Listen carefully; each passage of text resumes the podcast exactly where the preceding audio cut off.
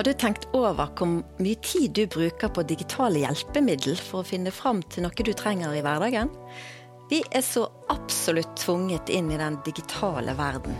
Om vi skal ta bussen eller betale regninger, holde kontakt med noen eller finne fakta. Er det lett for deg å sette grenser for hvor mye den virkeligheten skal sette sine rammer for deg og ditt liv? Og hva med barna i familien din? Er det lett å finne gode grenser for hvor mye de skal måtte forholde seg til den digitale virkeligheten? Til å snakke om dette, så har jeg fått gleden av å få noen som jeg både jobber med og har flere erfaringer på temaet vårt for kvelden. Grensesetting i en digital tid. Velkommen til å bli med i samtalen.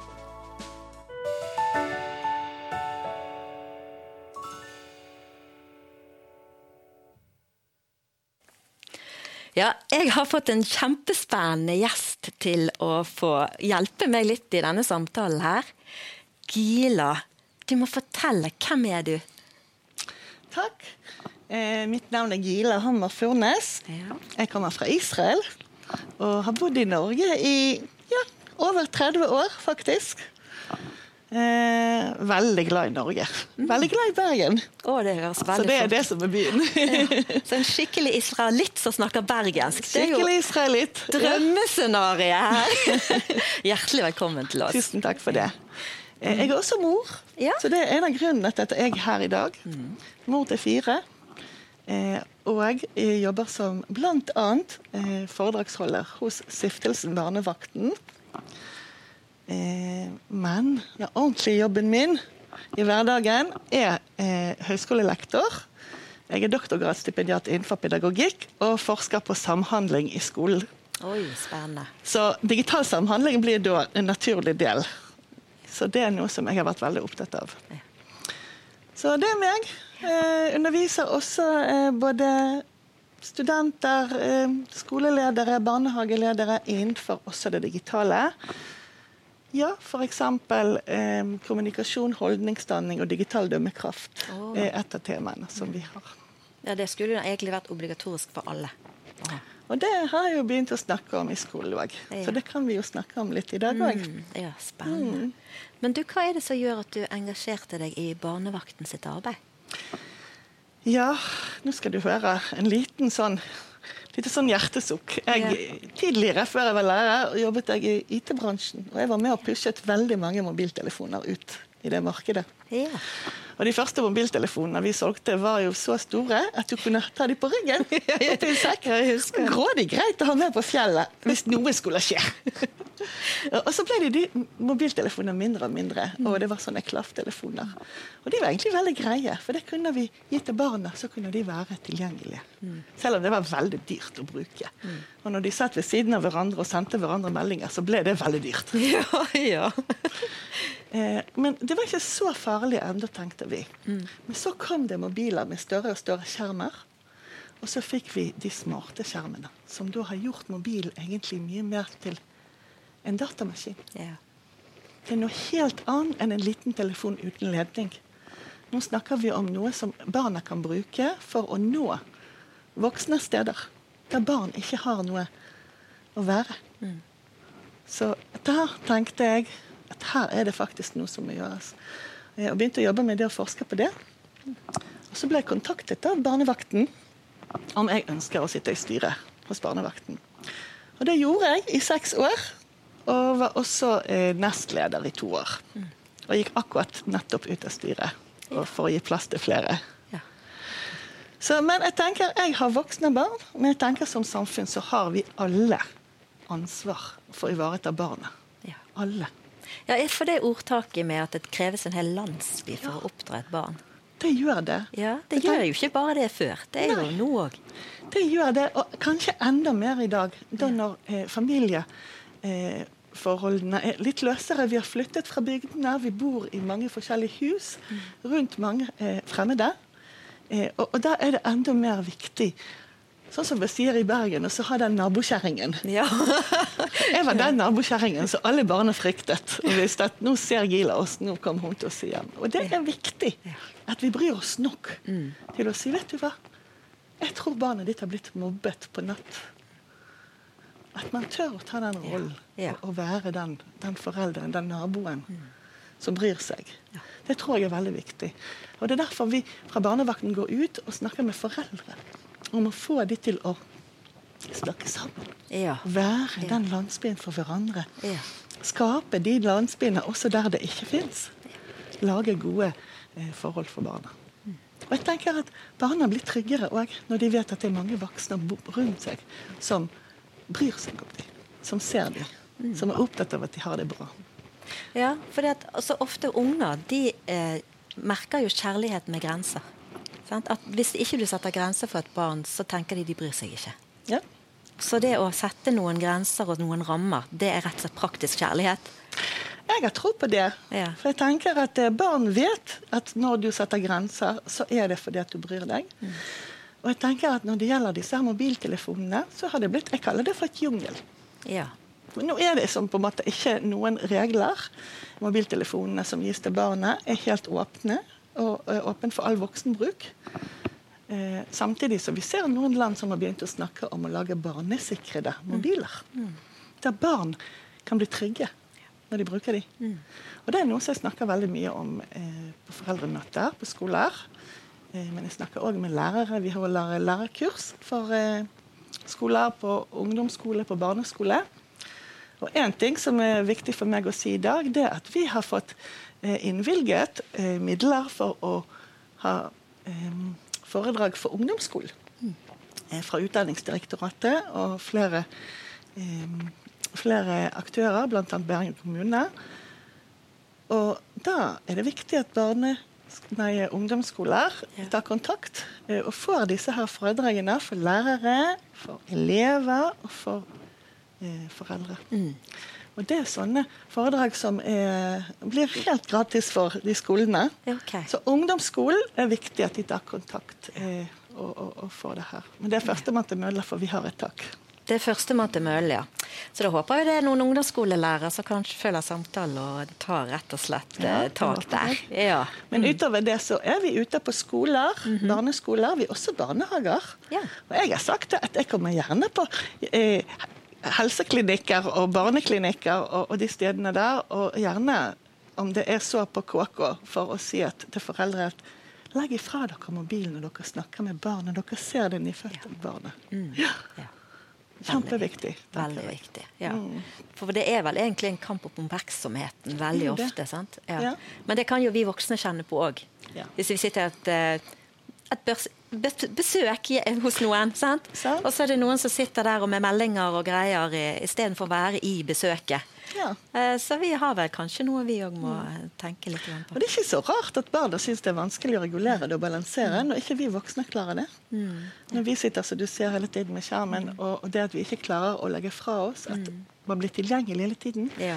Og I gamle dager så var ikke det krav om å bli sett hele tiden på mobil og sporet. Mm. Men nå er det mange som ønsker å spore barna sine og se hvor de er til enhver tid. Ja, ja. Eh, ikke sant? Så Da har man òg denne siden, som også er etisk, og hvorvidt barna har krav på å ha noe i fri, så, Mm. Ja. og ikke bli sett hele tiden. Det. Så det er en balanse, det òg. Absolutt. Ja. Mm. Ja. Så jeg tenker at ja, det er grådig viktig. Eh, og jeg sa det tidligere til deg i dag òg at eh, jeg skulle ønske mange arbeidsplasser inviterer barnevakten, og, og gjerne eh, spandere et foredrag på, på de ansatte. Alle kan være foreldre og besteforeldre og gode naboer. Eh, da kommer vi. Mm. Det er sant. Og, og viser eh, gjerne snakker om hvilke strategier vi kan ta i bruk. Sant? For selv om samfunnet nå opplever på mange måter at vi at toget er gått, vi vet ikke helt hva vi skal gjøre med dette her, så er det mange gode strategier man kan snakke om. Ja. Om hvordan ta kontroll tilbake. Der, ja, veldig bra. Mm. Og nå før vi får de to andre flotte gjestene som skal være her med oss i kveld, så skal vi få litt gull fra barnemunn. Bare hør her.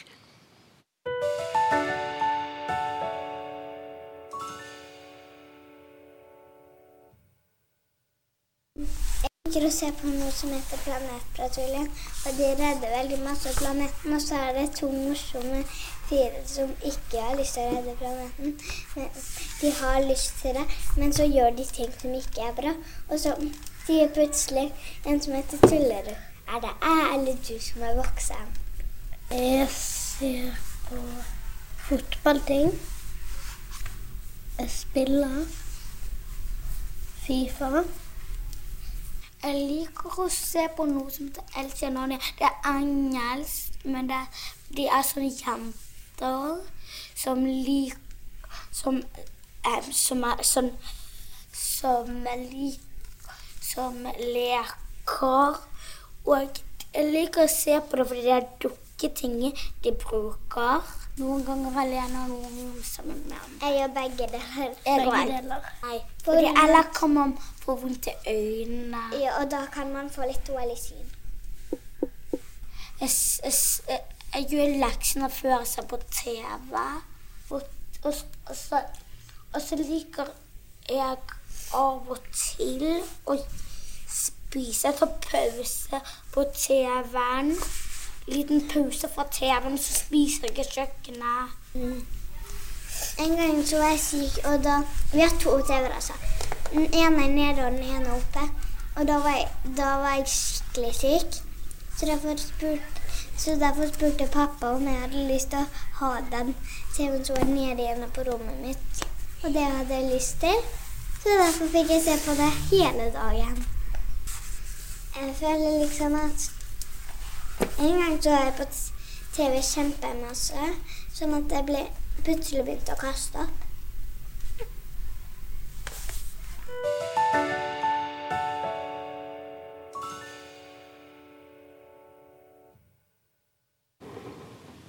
Ja, nå er det fullt her hos oss, og nå har vi fått inn Målfrid Gunvordal. Velkommen. Takk for det. Ja. Og så har vi Jarl Jeg holdt på å si selveste Jarle Mong, for det, det har jeg jo faktisk eh, måttet snakket om tidligere på noen livesendinger.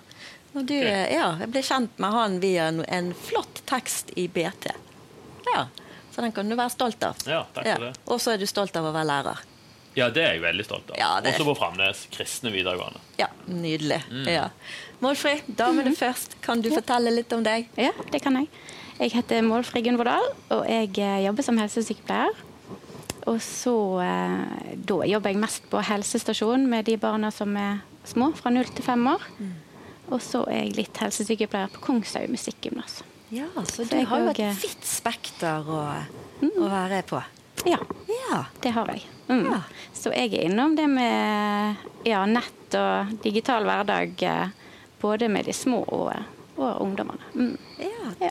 Ja, altså Nå ble jeg nysgjerrig. Hvor små er de når du begynner egentlig å snakke om dette? Altså du, De små skjønner kanskje ikke det du sier, eller Nei. foreldrene sitter jo der. Hva Foreldrene sitter der, og eh, på, allerede på første møte med foreldre som har fått sitt første barn, så tar vi opp dette her med mobilbruk, og eh, i forhold til hvor viktig det er med samspillet med barna, og at de får se foreldrene sitt ansikt, at de får se smilet til foreldrene, og at foreldrene ser på barnet sitt. Og at de klarer å knytte seg til hverandre. Mm. Så det er et av de temaene vi snakker om fra første gang, og egentlig som følger oss hele veien. Eh, ja, alle barneårene på helsestasjonen. Ja. Mm. Akkurat. Ja, og, og du, da? Hva kan vi si om deg? Ja, jeg er gift, firebarnsfar, og jobber som sagt som lærer på, på Framnes. Kommer egentlig fra Egersund, bodd på Jæren i mange år, så jeg flytta til- flytta med hele gjengen til Hardanger nå i august. Ja. Mm. ja. Trives i Hardanger? Ja, gjør det. Etter hvert som jeg begynner å finne ut av hardingene, så trives vi bedre og bedre. Ja, Det er kjekke folk. ja, ja, jeg, ja. Mm. forstått det etter hvert. Og du, hvordan er det med den digitale rustingen der? Hva, kjenner du på det, at det kan by på, eh, på litt tidsbruk der? Ja, jeg, jeg tenker både meg og kona kjenner egentlig på det sånn i, i hverdagen at det også Hvis du er litt sånn hang til nostalgien, sånn som jeg så er det sånn at jeg, jeg, tenker ofte på hvor enkelt det var før, og tenker på mor mi og far min som hadde liksom mer sånn atferdsregulering. Kom hjem og spis halv fire, være inne til halv ni, og så på en måte sveiv ting og gikk av seg sjøl, mens vi på en måte Av og til så føler jeg meg nesten som en sånn overvåker, på en måte. At jeg må være på hei, Gjør de egentlig lekser nå, eller gjør de noe annet? Nå har det vært stille, kanskje jeg burde ned og sjekke? Altså det er sånn konstant sånn eh, Ja, du føler du må være på hele veien på en annen måte. Eh, så det er en sånn eh, Det kjenner en på, og det tror jeg egentlig mange kjenner på. Den der ja, at det er slitsomt. Energilekkasje til tider. Ja. Mm. Kan det være at vi har fått litt mindre tillit til ungene våre nå enn det vi hadde før? Pga. skjerm og den tilgangen det gir? Det tror jeg absolutt. Uh, dette er jo, det er jo på en måte jeg, jeg var jo, når jeg var ungdom sjøl, så hadde jeg jo jeg, jeg, jeg jo erfaring med dette her. Hvor, hvor på en måte jeg ble jo drogen inn i den verden, og, og, og, og hvor mange ti, hvordan timene flaug. Mm. Så, så, jeg har jo forståelse for eh, på en måte hvordan her eh, Ja, hvor dypt en kan gå inn i disse her ulike tingene. Så, så, det er sånn og da blir jo, Det blir jo en enormt sånn stor fristelse og på grensa til sånn avhengighetsskapende, tror jeg, som gjør at en ja, at en bryter avtaler, og så er det på en måte, så er du lei at avtaler blir brutt, og så må du ha omkamper hele veien, og så må du ha konfrontasjoner, nye konflikter. og så, så kan jo til, Det kan jo gå utover tillitsforholdet da, mellom mm. foreldre og unger. Det er iallfall vår erfaring at det, det kan gjøre. Mm, ja. mm. På helsestasjonen er bare sånn Vi sitter jo ofte på venteværelser rundt omkring. sant? Ja. Eh, og så er det noen steder der det er noe sånt lite lekebord eller noe. Men det er ikke alltid at ungene er så interessert i det lekebordet med de der få byggeklossene. Nei. Hvordan er det på deres helsestasjon, på venterommet der? Hva er ja, der er det en fin lekebåt, og det er bøker og flotte leker. Er de interessert, disse som kommer? Eh, det er veldig forskjellig. Ja. Noen har kledd seg opp når de skal på helsestasjonen, kledd opp barnet sitt. og um, ja, sitte i båten sammen med barn, og du kan nesten ane at de um, tenker over at her blir jeg observert, så her snakker jeg fint til barnet mitt. og ja, andre er selvfølgelig veldig naturlig, og så er det noen som sitter på venterommet med, med mobil til voksen og med mobil til barnet. Ja, det stemmer jo òg. Det òg er det. Ja. Ja. Mm. Altså, dere er barnevakten. Eh, mobil det er allerede tatt veldig fram her. Eh, hva er det egentlig folk eh, henvender seg oftest for å få dere til å være med og hjelpe dem med? Ja, det kan være så mangt. Men nå for tiden så er det mange skoler eh, og barnehager som tar kontakt. Eh, og det er veldig ofte eh, foreldreutvalgene. Ja. Som ikke bare skolene selv, men FAU som tar kontakt og ønsker eh, å ha gjennom eh, kanskje ett trinn eller flere trinn, eller kanskje hele skolen eh, gjennom sånne kurs. Da både foreldre og barn. Og det som går igjen, det er foreldre som ønsker konkrete råd. Mhm. Hva kan vi gjøre? Eh, og før så var det typisk eh, at vi gikk på eh, sjette trinn eller femte trinn, men nå er de yngre og yngre, og nå er det fjerde trinn som er vanlig. Og da er det foreldre og barn. Men det som også er veldig vanlig nå, det er at det er første til tredje at foreldrene får eget kurs om digital oppstart. Sånn at de kan være i forkant. Sånn at vi snakker om forebyggende arbeid og ikke bare slukke branner.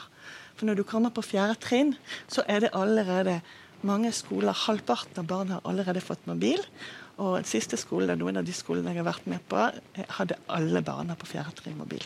Ja, Fjerde trinn, da snakker vi om sånn niårs aldersgrense, eller ja, niårsgruppe. Ja. Og når vi snakker om at uh, digitale medier skal være da fra 13 års aldersgrense, mm. så er jo det veldig utfordrende når de får en mobil som egentlig er designet for voksne, som alle kanaler er åpne, de kan gå hvor som helst, eh, og, og, så er de bare ni år gamle. Å bli utsatt for oppmerksomhet som er uønsket. Kanskje får de nakenbilder. Noen som sender nakenbilder til dem uten at de har bedt om det. Så det at foreldrene skal lære å regulere disse her apparatene, beskytte barnet, barnesikre de, rett og slett, inntil vi får noe mer fra myndighetene, noe som regulerer det, Sånn som vi ser noen land har begynt å tenke på at disse her apparatene eh, faktisk skal sikres for barn før barna får det. For det vil jo være sånn på alle andre områder. Det ville vært helt utenkelig at barn eh, eh kan begynne å kjøre bil før de er 18, bare fordi at foreldrene syns de er modne nok. Eller at de skal få lov til å kjøpe en del varer som er kun egnet for voksne. Så her har vi eh, en uregulert eh, område som eh, jeg syns norske myndigheter godt kan komme på banen snart og, og, og, være enda mer frempå. De har vært veldig gode de siste årene, men jeg tenker enda mer frempå å regulere og hjelpe foreldrene.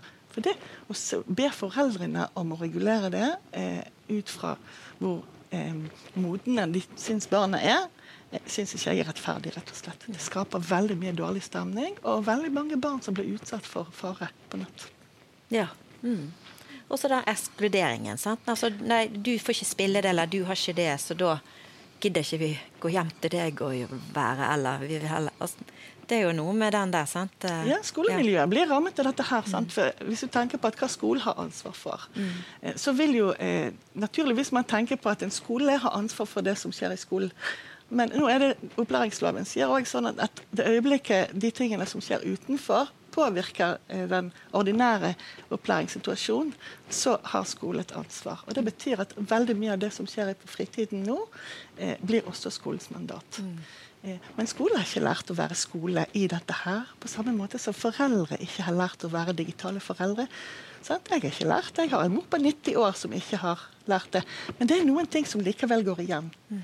Og jeg vet for at Hvis jeg hadde sagt til min mor at alle andre får lov, så hadde hun løftet opp røret og sagt 'hvem da?' Men det har folk glemt at det går an å gjøre i dag òg. Så det der å være landsby for hverandre og faktisk spørre 'hvem har lov?'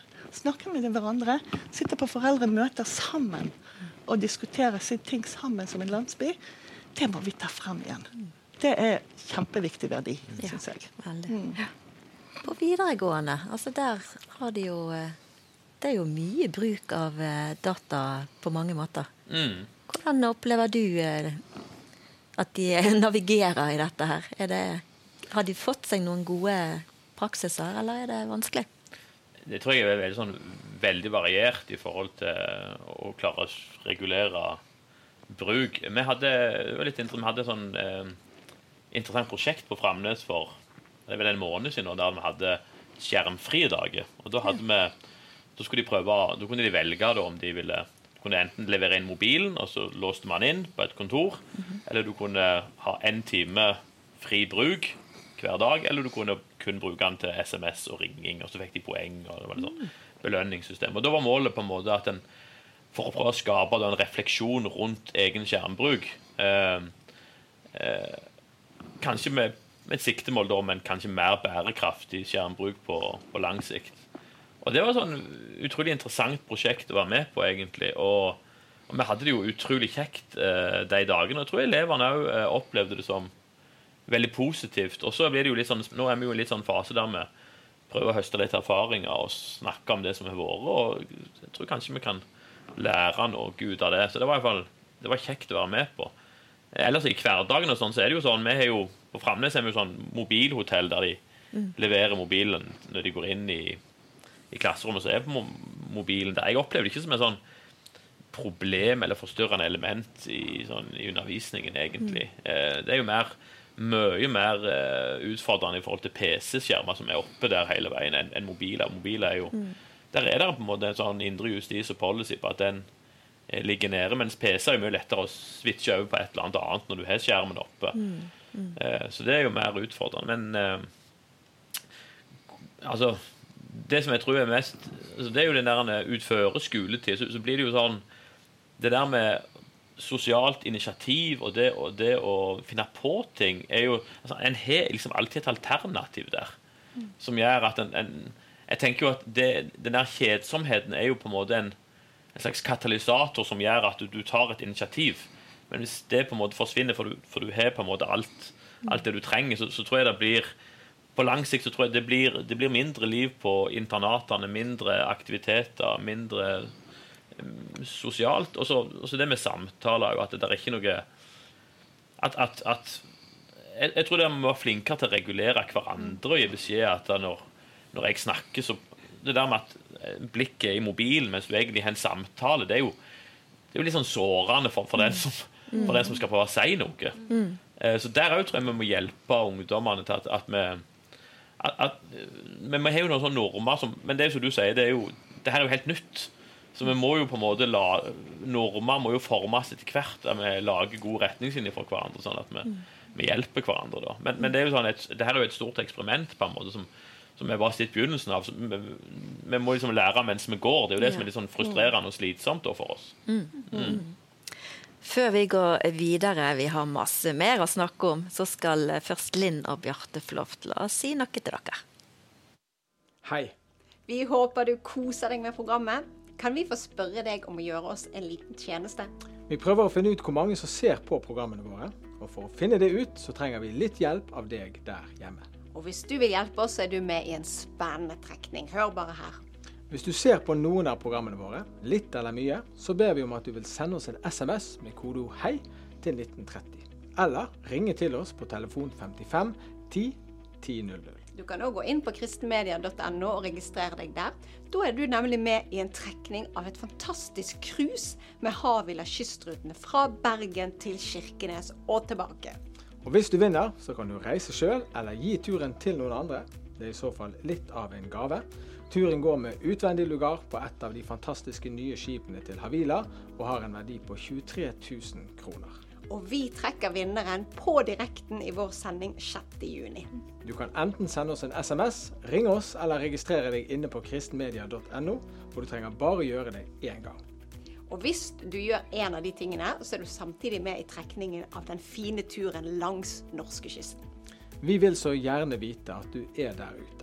Hvor mange er det egentlig som ser på programmene våre? Og for å finne ut av dette, så drar vi altså i gang denne trekningen for å høre fra deg. Det koster selvfølgelig ingenting å være med, og vi gjør det så enkelt som vi kan for deg. Alt du trenger å gjøre, er enten å sende oss en SMS med kodeord 'hei' til 1930, eller ringe til oss på 5510 1000, eller gå inn på kristenmedia.no. Vi gleder oss til å høre ifra deg. Kos deg videre med programmet. Sammen med kristne fra 100 nasjoner samles vi igjen til Ikais løvehyttefest i Jerusalem denne høsten. Dette blir en opplevelse for livet hvor vi hyller kongenes konge i hans egen by, og viser jødene at de har kristne venner over hele verden. Marius Svigart med team blir med og leder lovsangen i Jerusalem. Reiseledere blir Ingunn og Dag Øyvind Juliussen, Linn og Kjell Martin Myhr, Linda og Bjarte Ystebø.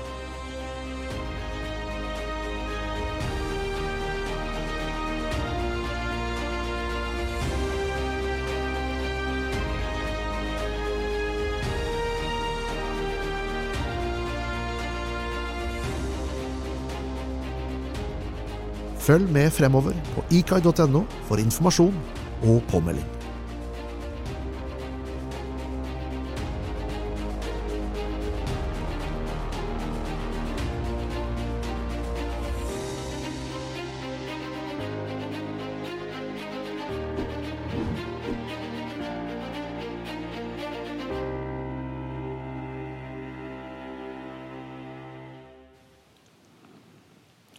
Det er ikke så lett alltid å vite hva slags grenser skal vi sette, og hva tid skal vi sette det.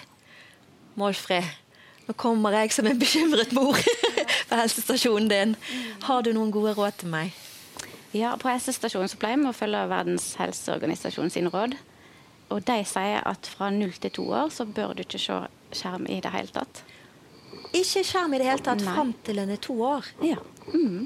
Og dette sier dere til alle. Det sier vi til alle. Og så er det selvfølgelig fint å få en prat om hvordan det fungerer hjemme hos deg. Jeg har stor forståelse for at eh, hvis du kommer som tredjegangsmamma og har en treåring og en femåring hjemme, og pappa er reist offshore, så pleier jeg å si at OK, kanskje ikke det er det viktigste i dag at du ikke, eller at ungene ikke ser skjerm. Kanskje skal de få lov å se litt skjerm i dag, hvis det er det du har behov for. Eh, Men jeg tenker at eh, det er fint å komme med anbefalingene sånn som de er, og snakke litt om hvorfor. Og så eh, kan vi òg snakke litt om hvordan kan du sette grenser i din heim. Når skal du sette disse grensene? Og ja, mm, hjelpe det litt på veien. da. For jeg tenker at En er nødt til å begynne tidlig.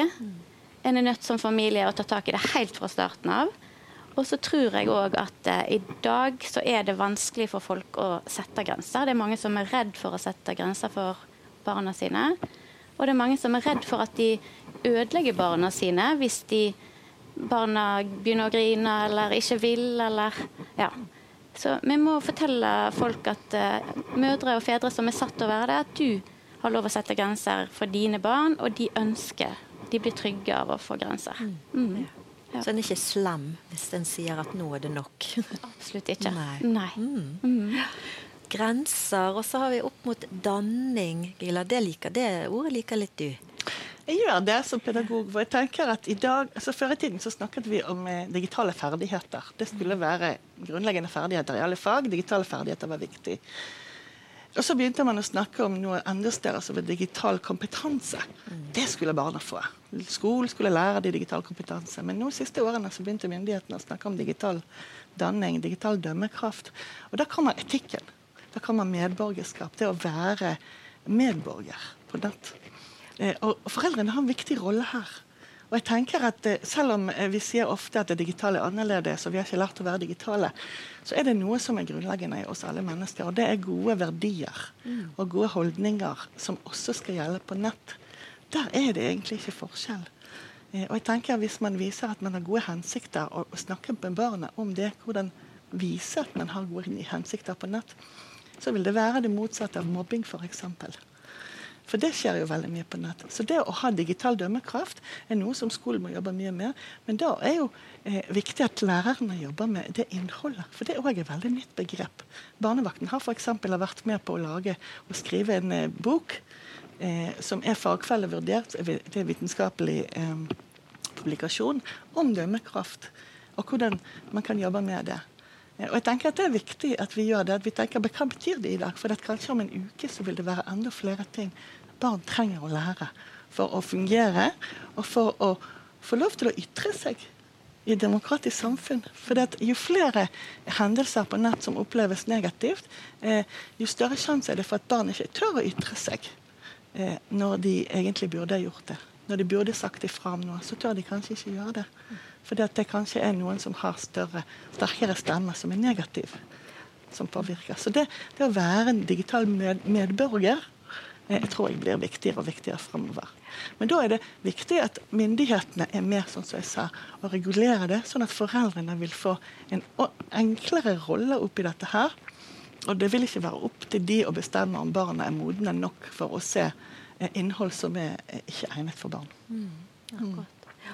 Og så Du sier jo altså, du legger, pålegger skole ganske stort ansvar her sant, i danningen. Ja, mm. Myndighetene gjør det òg. Og så ser jo vi som er i skole, da, kanskje at uh, vi har ikke tid nok til all den danningen i skoletiden. Vi må ha et samarbeid hjem. Mm. For at uh, dette skal bli noe som kan etablere seg. Og Jeg merker sjøl jeg er veldig heldig, har veldig mange gode foreldre å samarbeide med.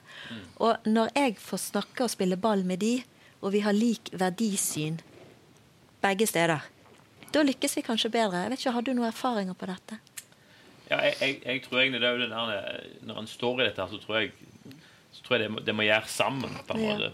Jeg tror mange kjenner at de kjenner på at de står på en måte alene i dette her. Eh, eh, så jeg, jeg tror det der men, men så tror jeg òg en må våge å snakke om det i større grad enn at, å være ærlig om at dette her er utfordrende. og at vi dette er vanskelig hjemme. Det fører til konflikter og sjau. Og, og jeg, jeg, tror det der med, med å være åpen og, og, på en måte erkjenne at det er vanskelig, eh, det tror jeg, da tror jeg det blir mye lettere å gå inn i en dialog med andre, og så felles kunne sette kanskje noen rammer og, og noen retningslinjer. for da og, og altså, så må jo alle være forplikta på det. Uh, så det er jo sånn Foreldremøte på skolen er en ting. Vi tenker jo sånn i, i, i nabolaget og i sånn, sånn felles kompisgjeng, at vi går sammen og bare snakker som familie og lager avtaler med hverandre. Det tror jeg er kjempeviktig. Det er sånn, prøver jo å ha sånn jeg tenker Vi har sånn jevnlig dialog sammen med noen andre foreldre på at hva, tenker dere, og hva tenker vi, sånn at vi har sånn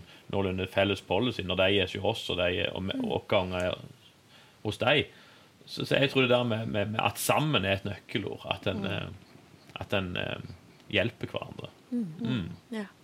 Ja. for det er jo det. Vi står sammen i den landsbyen ja, for disse det, barna. Det er det jeg også tror mm. på. Ja. Jeg mener Skole-hjem-samarbeid er veldig viktig. Ja. Men da er det viktig at både hjemmet og skolen er rause mot hverandre. Ja. For det er veldig lett for at man kaster den ballen på hverandre og sier det er faktisk deres rolle, foreldre, eller det er faktisk deres rolle, skole, om å jobbe med danningen. Mm. Men jeg tenker at vi begge to har både rett og plikt til å gjøre det. Men skolen har absolutt den institusjonelle det eh, ansvaret til å myndiggjøre foreldrene til dette samarbeidet. For de har ikke vært foreldre før i dette her. Eh, det å vise at skolen trenger også kunnskap om hvordan de kan arbeide med det. Så jeg tenker at, eh, at det er viktig at skolen òg tilegner seg kunnskap om hvordan de kan samarbeide med foreldre om den digitale verden, og hvordan skape gode rom for, for, for barna, der de kan være trygge. For det digitale er ikke noe som forsvinner. Det er noe vi alle er avhengig av, også fra, fordi at vi skal i nettbanken, vi skal til legen, alle de tingene vi skal ta Bybanen. Alt er på mobil. Men da lærer barna å bruke det som et verktøy som alt annet. Og begrense muligheter for misbruk. Ja, absolutt. Og så har vi jo en enorm ressurs i besteforeldrene. Ja. Jeg bare er så glad for at det finnes. Tenk for en ressurs. Også, men så er det veldig mange besteforeldre som ikke er vokst opp med den digitaliseringen til verden som vi ja, må forholde oss til nå. sant? Men allikevel for en støtte de kan være. Men er det sånn at Glemmer vi litt at besteforeldrene er der og kan være med og hjelpe og skape danning og verdi og sånt inn mot, og grenser, og holde grensene? Møter du noen besteforeldre av og til, eller gir du noen råd til noen? Ja, eh, de er alltid med på helsestasjonen, de Ja. òg. Ja. absolutt. Og jeg prøver å si altså, vi, Sånn som du sier, at vi eh, It takes a village. Vi må stå sammen om det. Sånn at eh, eh, Ja, jeg prøver å spørre folk har du noen rundt deg som kan hjelpe deg med dette her. Som kan støtte deg i de valgene som du tar. Hvordan er det med familien rundt deg? Sant? Hva, ja, kan de trå til hvis eh, du kjenner at nå trenger jeg litt hjelp? Og spør, spør om hjelp. For vi er jo litt sånn redde for å snakke med andre. Vi skal klare oss sjøl. Jeg skal sette mine grenser og eh, Ja, men spør besteforeldrene og ja, få hjelp, altså. Ja. Mm. Mm.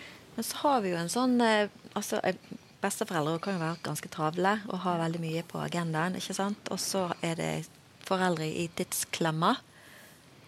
Det er veldig enkelt og Du får gjort mer hvis barnet er opptatt av noe annet. sant? Og hvis du har et barn da som ikke liker å tegne og bygge legoklosser eh, i en time eller to for seg sjøl, er fort gjort. Ja. Eh, men hva da, når først det skal få lov til å se? Har vi noen gode råd på hva som er veldig fint å se? Og ikke til skade, men som kan være positivt. Er det noen av dere som har noen gode råd der?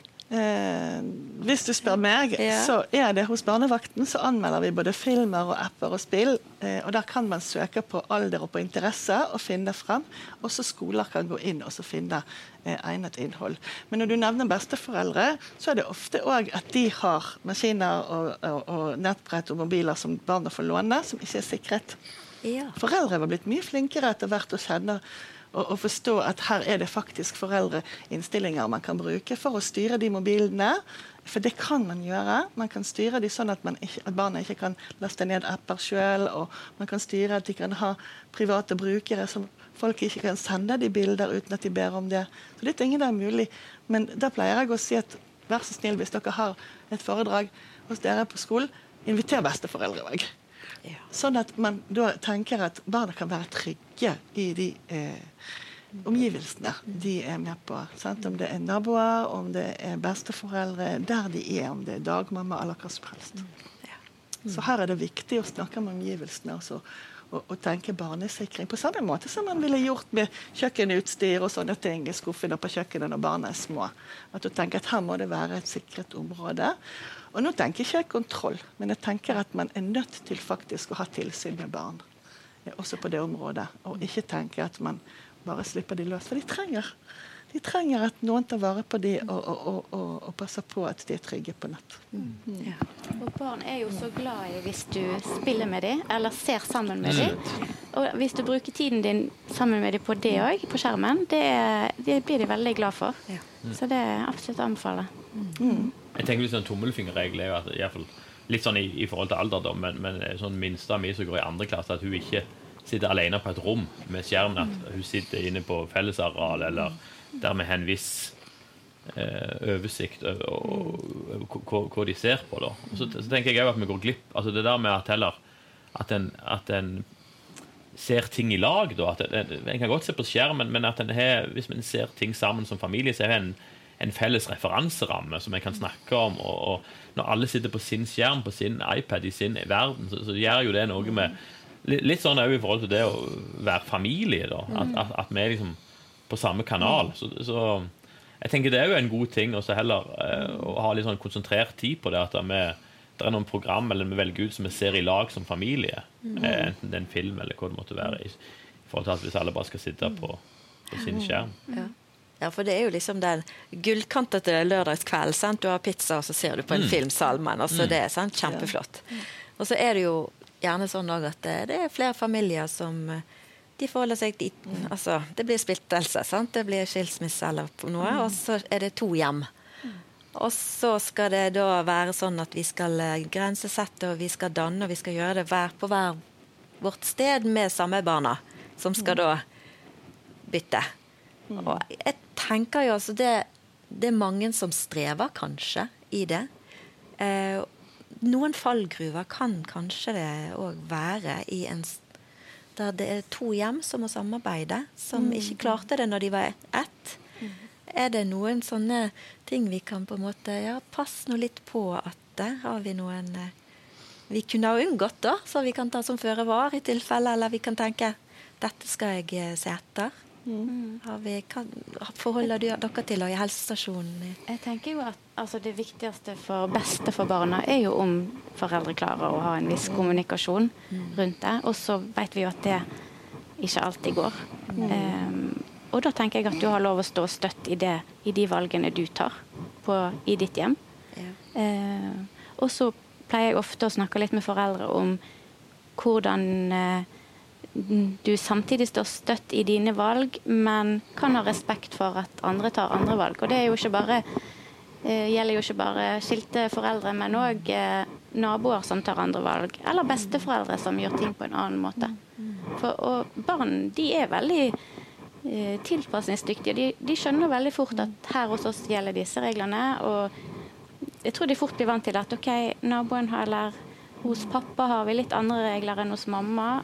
Og de har ofte ikke problemer med å forstå det. Mm, at en snakker litt rundt det. Og Ja, så det å snakke, vise og, snakke og for- forklare Mm. er, er kanskje et stikkord der. For Ja. å unngå konflikter kanskje som kan oppstå. Mm. Og så er det noe med det at hvis du kan begrunne hvorfor du har eh, lagt dine grenser, eh, så kan du kanskje ha forståelse for hvorfor andre har andre grenser. Kanskje de har noen andre begrunnelser for. Mm. Den, ja. den ser vi. Um, um, ja, det er, det er mye mer vi kan ta fatt i. Du har vært litt inne på det. Tenkt, Skal vi snakke Ja. om det, skal vi ikke snakke om det? For det er jo faktisk sånn at det, noen barn gjør ting de ikke bør, og de vet at ikke de egentlig skulle ha sendt ifra seg et bilde av seg sjøl. Ja, ja, Som ja. ikke du har egentlig lyst til å ha på Ja. veggen i stuen. Hva, hvordan kan vi møte de foreldrene som oppdager at de har barn og, som har gjort dette, og er kanskje i en alder som overhodet ikke Nå er det sånn at Barnekonvensjonen sier FNs barnekonvensjon at barn har rett til å bruke mediene og ytre seg, men de har òg rett på beskyttelse fra skadelig innhold. Og Det kan jo være sånn motsetninger. For på ene siden så kan jo de lage skadelig innhold og sende og videre eh, dele. Eh, og så skal de ha rett på beskyttelse eh, for sånne ting. Eh, og Da er det viktig at eh, man snakker med barna. Og Det sier jeg til foreldrene at det er viktig å lære barna å snakke hjemme. For at Når barn går på skole og kommer hjem hos foreldrene, er veldig flinke på å spørre hvordan har du hatt det på skolen. Men er de like flinke å spørre hvordan har du hatt det på nett? Men også det er de like flinke å snakke med dem. Og faktisk være gode rollemodeller, føre samtaler og ikke bare stille sp- kontrollspørsmål. Faktisk dele med dem, snakke med dem, sånn at når de en gang opplever noe dumt på nett, eller sjøl har gjort noe dumt, for det gjør de. På et eller annet tidspunkt enten vil de oppleve noe dumt eller gjøre noe dumt. Så at de kan da tørre å komme bort til foreldrene og si 'jeg har gjort noe dumt'. Og ikke det at de skal slippe unna konsekvenser, men mer det at de er trygge på at ok, foreldrene mine de kan hjelpe meg å rydde opp. Jeg må stå for det jeg har gjort, jeg må rydde opp. Eh, men at de tør å komme bort. Men sånn som det er i dag, så er det mange barn som lar være å fortelle.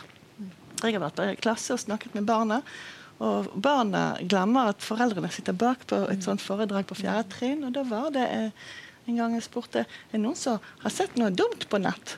Og da var det mange hender oppe. Det var fjerde trinn. Og da var det en gutt som sa eh, ja, jeg har fått sånne nakenbilder på mobil. Noen som har sendt det. Og det var flere som nikket. Og da spurte jeg hva gjorde du da? Har du sagt det til foreldrene? Nei.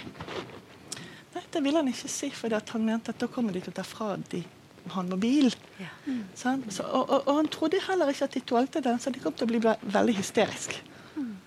Så bare det tenker jeg er noe sånn eh, beskjed til oss, signal til oss voksne. Vis at vi tåler. Mm. Vis at vi kan ta imot sånne beskjeder, og at vi kan snakke med barna. Vi kan hjelpe dem. For neste gang kan det være et barn som eh, ikke er like tøff, som kanskje eh, eh sier ja til å møte en fremmed mm. fordi at de blir redde.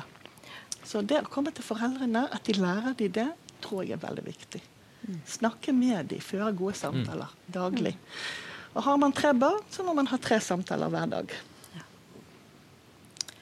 Ja, i tidsklemma vår så må vi faktisk det. Vi må det. Vi må ja. det. det er liksom, er, og det pleier jeg å si også på foredrag, det at å legge fra seg mobil og, og Nå når barna mine er voksne, så kan jeg innrømme at mange ganger når jeg sa nå kommer barnet, jeg må legge på, så var det ingen på andre siden. Det var mer signal for at nå kan du komme i stuen, så tar vi en samtale. Så kom de i stuen.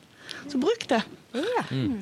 Ta en samtale. Og det trenger ikke å være sånn at man setter seg ned og har, man kan sitte sammen og gjøre noe. Man kan brette klær sammen, man kan gå i hagen og vanne og ha en liten samtale med hver unge og så se hvordan har du det i dag? Se de i øynene. For det tror jeg, og det tror jeg du er enig i, at vår generasjon, den nye generasjonen eh, mangler mer mimikken. Når de sitter og stirrer på en skjerm og ikke ser oss, og når vi sitter og stirrer på en skjerm, så vet ikke de helt hva reaksjonsmønsteret. Er Er du sur nå? Nei, jeg er bare alvorlig, eller jeg bare tenker. De, de, de klarer ikke helt å tolke. Så det tenker jeg er viktig. At vi snakker mer med dem, og at vi er gode rollemodeller. Vi deler, ikke bare stiller spørsmål. Så kan de føre samtaler. Ja, tenker jeg. Flott. Takk skal du ha. Ja. Og nå skal vi få høre en andakt av Per Ove Berg. Vær så god.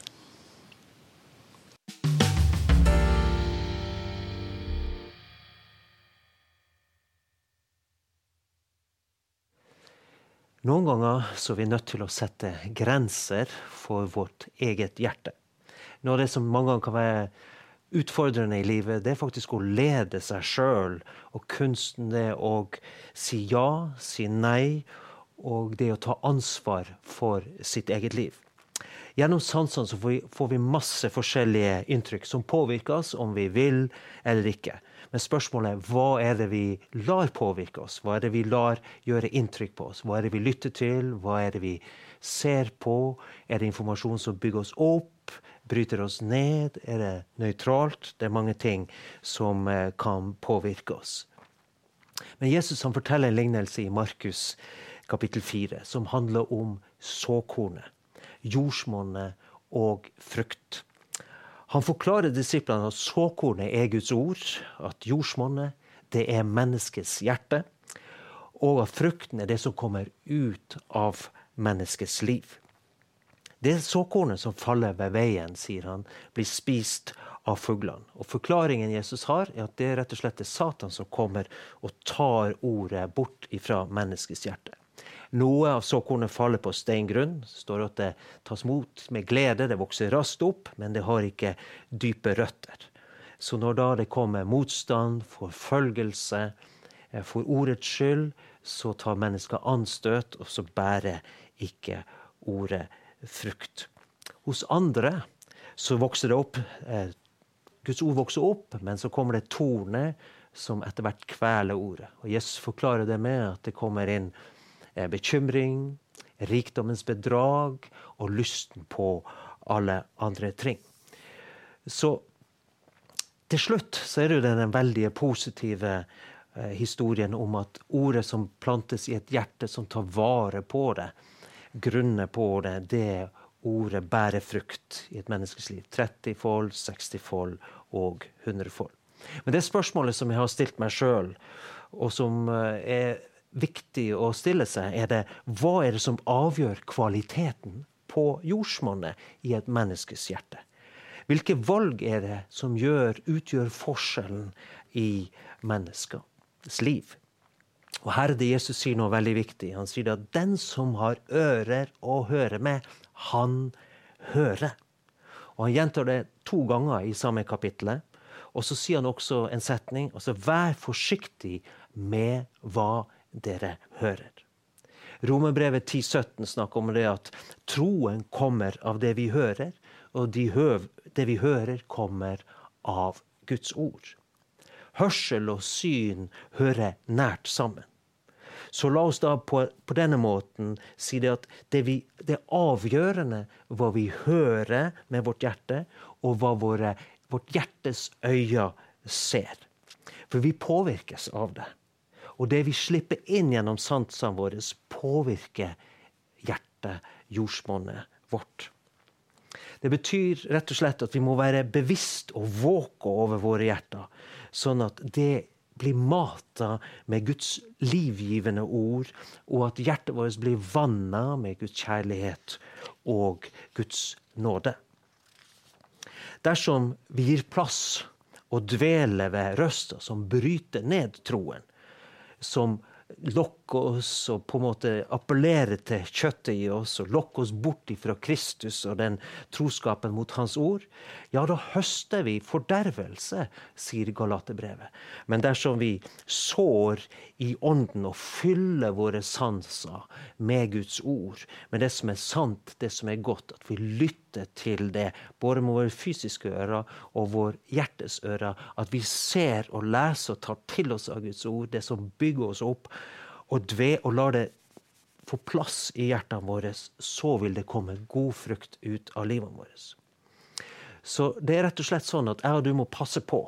Våke over jordsmonnet i hjertet vårt, så vi ikke lar bekymring, ugress som eh, rikdommens bedrag eller lysten på alle andre ting, at det får plass. Det må vi lukes ut, rett og slett. Og da er det sånn at det er bare Gud som kan gi vekst. Men han sier det at han vil gi vekst til sitt ord når det plantes i god jord.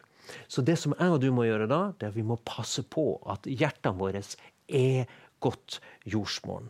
Og da vil vi bære frukt til Guds ære. Derfor, når vi setter grenser for våre liv, sier dette vil jeg høre på, dette vil jeg se på, dette vil jeg ikke høre på, dette vil jeg ikke ta imot, så er vi med å bygge opp våre liv. Vi sier nei til vantroen. Vi sier ja til troen på Gud, ja til troen på Guds ord. Og da kommer det til å komme veldig gode frukter ut av mitt og ditt liv. Gud velsigne deg.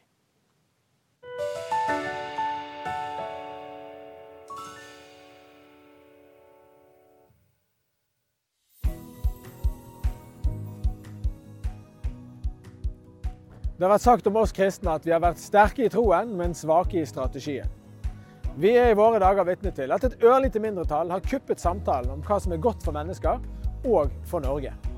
Hvordan skal vi møte det? Vi må gjøre noe med strategien. Vi må stå frem med ydmykhet, tydelighet og tro. Vi må være fryktløse. Sannheten tro i kjærlighet. Det er overskrifter over årets store mønstring for kristenfolket i Norge. Bli med oss på Oslo Symposium 18. og 19. august. Gå inn på oslosymposium.no, eller ring oss på 5510 1000. Så ses vi i Oslo i august.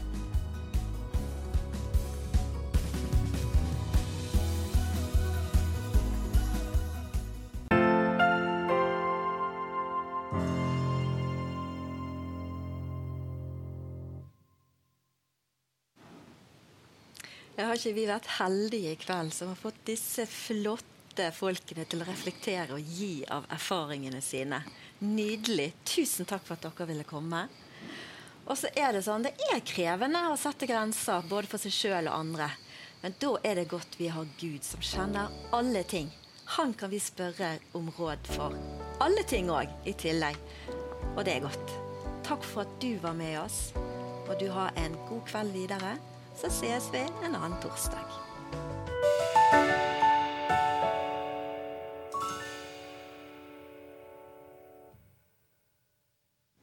Noen ganger handler samtalen om ting som kommer nært inn på livet, og som kanskje berører deg og ditt liv. Da kan det være du tenker dette skulle du ha snakket med noen om. Det finnes heldigvis noen som kan hjelpe deg, og her kommer en liste med trygge kristne samtaletjenester rundt om i landet, som gjerne tar imot deg og ditt behov.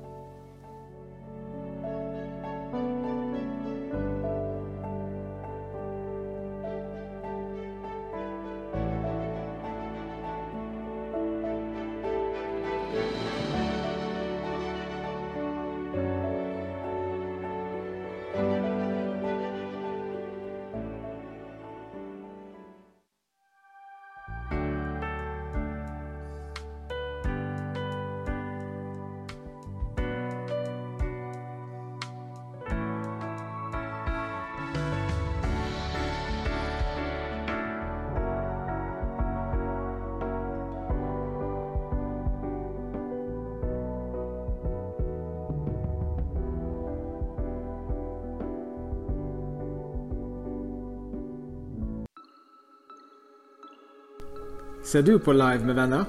Det burde du. Da får du servert en time med god stemning og interessante temaer om samfunns- og menighetsliv. Og ikke minst trosstyrkede refleksjoner fra Bibelen. Det hører også med. Du er så velkommen til å henge med oss på tirsdager klokken ti. Live med venner sendes på Facebook, på Kanal 10 og på Bedehuskanalen. Da ses vi på tirsdagene.